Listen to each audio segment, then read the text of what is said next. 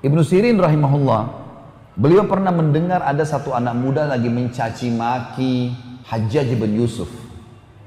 Kalau teman-teman belum tahu Hajjaj bin Yusuf ini, nama ini kalau dalam buku-buku sejarah Islam udah difonis buruk sekali. Karena orang ini dia panglima perang lah kalau kita sekarang ya. Jenderal perang khilafah Umayyah pada saat itu, tapi orang ini agak zalim. Kalau ada orang tidak sefaham sama dia dibunuh. Mau ulama pun dibunuh semua sama dia. Sahabat Nabi dia nggak peduli. Hajjaj ini yang membunuh Abdullah bin Zubair, sahabat Nabi radhiyallahu Habis dibunuh disalib sama dia. Orangnya kejam sekali gitu. Ini kasih cerita teman-teman sekalian. Hajjaj bin Yusuf ini karena buruknya perbuatannya banyak orang yang cerita buruknya. Ini teman-teman yang suka gosip ambil pelajaran. Ibnu Sirin lewat. Apa kata Ibnu Sirin? Perkataannya begini. Diam kau hai saudaraku. Diam, sekarang kamu diam. Sesungguhnya Hajjaj yang sedang kamu ceritain itu sedang menuju ke Tuhannya. Dia sedang menuju kepada kematian.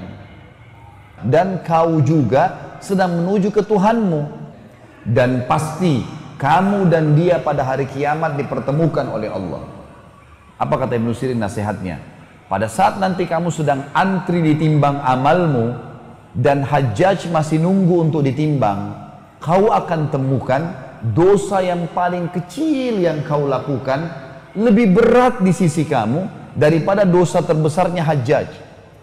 Jadi kalau kau lagi ditimbang amalmu nanti, dosa kecil pun bisa berbahaya buat kau bisa masuk neraka. Itu pada saat ditimbang amalmu, kau lebih takutin daripada dosa terbesarnya hajjaj.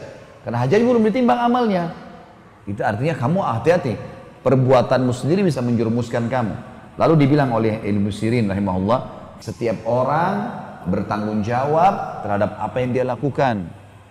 Dan ketahuilah, pasti Allah akan mengambil dari Hajjaj hak-hak orang yang telah dia zalimi. Hajjaj pernah bunuh orang, pernah caci maki orang, pernah mengambil haknya orang lain.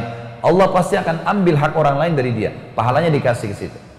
Tapi jangan lupa, kata Ibnu Sirin, juga Allah akan memberikan kepada Hajjaj hak-haknya dari orang yang menzaliminya. Baik, kalau hajat pernah bunuh orang, pernah ini, urusan dia sama Allah. Kalau kau bisa nasihatin depan matanya, nasihatin depan matanya. Kalau enggak, jangan. Karena kalau kau ceritain dia, kau pun nanti akan diambil pahalamu dikasih ke hajat. Ngapain kamu kasih pahala ke dia? Seperti itulah bahasanya. Lalu kata dia, mulai sekarang jangan pernah kau sibukkan dirimu untuk mencaci maki orang lain. Ada orang subhanallah begitu ya. Tiap hari cuma tahu kesalahan orang lain. Padahal dia sendiri punya banyak kekurangan. Sibuk dengan keluarganya orang, istrinya orang, suaminya orang, anaknya orang lain, pembantunya, pegawainya, pekerjaannya, pakaiannya orang lain. Semua dicari kesalahannya. Ini apa manfaatnya buat dia? Nggak ada sama sekali. Teman-teman sekalian jangan buat musuh pada hari kiamat. Berat.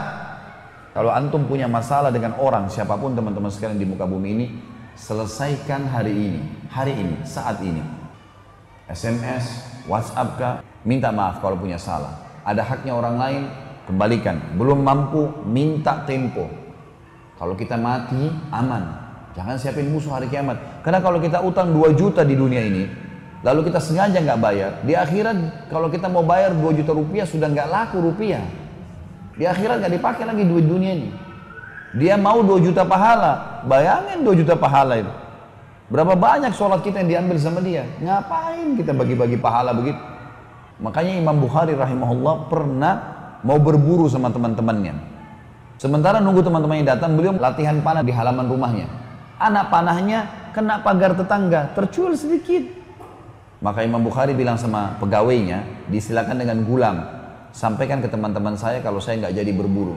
Sampaikan. Setelah balik pembantunya, langsung dia bilang, sampaikan kepada tetangga di sebelah, kalau tadi tidak sengaja Bukhari ini, Muhammad namanya, Muhammad ini memanah kena pagarnya, tercuil sedikit.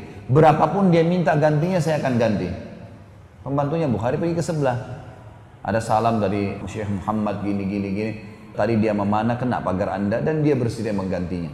Kata tetangga itu mana? Dilihatin sedikit tercuil. Tetangganya jangankan pagar ini, rumah saya buat dia. Saya maafin.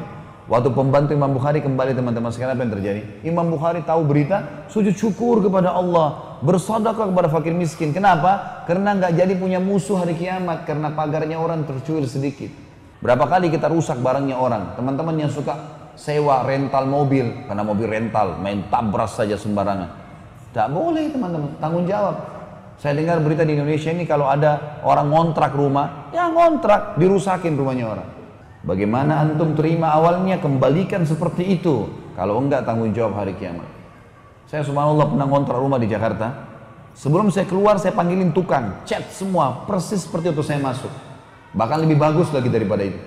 Ada teman saya cerita, salah satu teman di Jakarta mengatakan, ada orang ngontrak bahkan, begitu keluar, dicabut semua jendelanya orang, pintunya orang.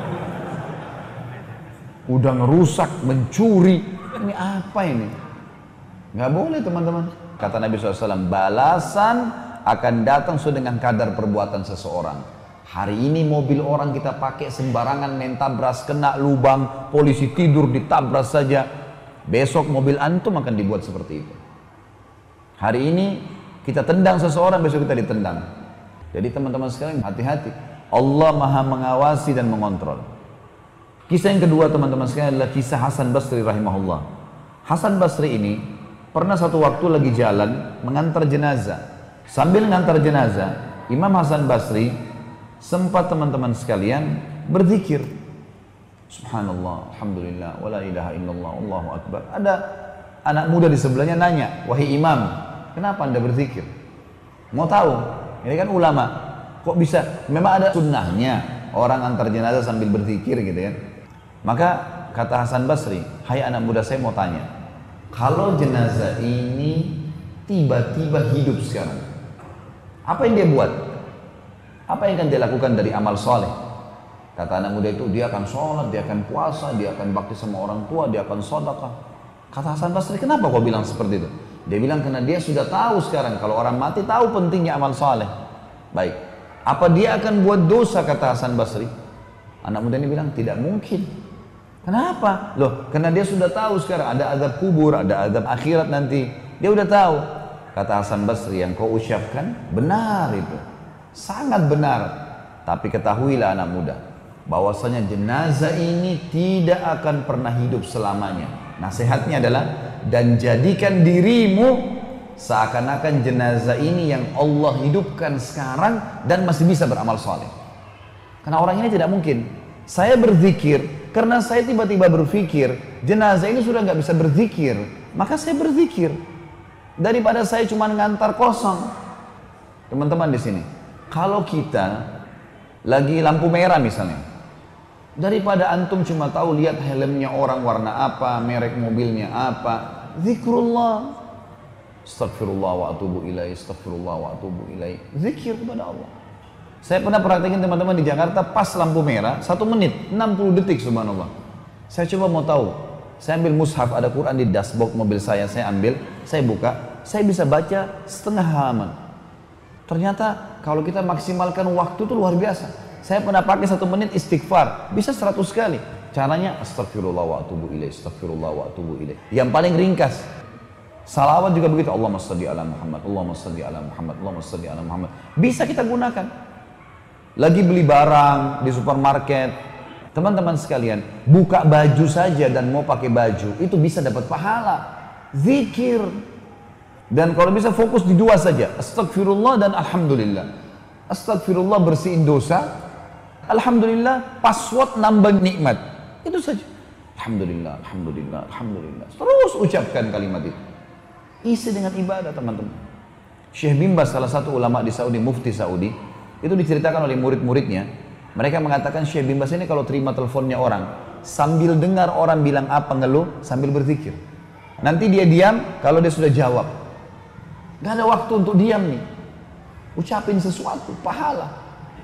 Kata Nabi SAW, kalau saya baca sekali subhanallah, walhamdulillah, wala ilaha illallah, wallahu akbar, satu kali lebih saya cintai daripada terbitnya matahari buat saya. Kata para ulama maksudnya adalah kalau orang membaca satu kali subhanallah, alhamdulillah, wa la ilaha Allahu akbar, Allah akan kasih pada hari kiamat sesuatu yang membuat dia terkagum-kagum, mengalahkan terkagumnya dia dengan terbitnya matahari. Kata Nabi SAW, La haula wa la quwata illa billah. Harta karunnya surga. Kata para ulama hadis maksudnya adalah orang kalau di depan istananya nanti kalau dia baca la haula wala satu kali Allah akan buka tanah surganya terbuka keluar sesuatu hadiah buat dia. Seperti harta karun dibuka menyenangkan hati dia. Entah apa isinya Allah alam. Tapi kata Nabi SAW begitu. Dua kalimat yang ringan di lidah berat di timbangan hari kiamat dicintai oleh Allah. Subhanallah wa bihamdi subhanallahil azim Kata Nabi SAW, siapa yang membaca salawat untuk satu kali, Allah membaca salawat untuknya sepuluh kali.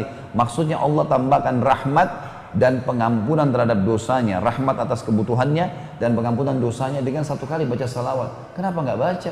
Allahumma salli ala Muhammad, Allahumma salli ala Muhammad. Ini kita bicara yang ringkas dan simpelnya. Tentu ada lafaz-lafaz yang lebih panjang gitu kan. Contoh saja. Jadi gunakan teman-teman sekalian. Ini nasihat Hasan Basri yang sangat berharga sekali.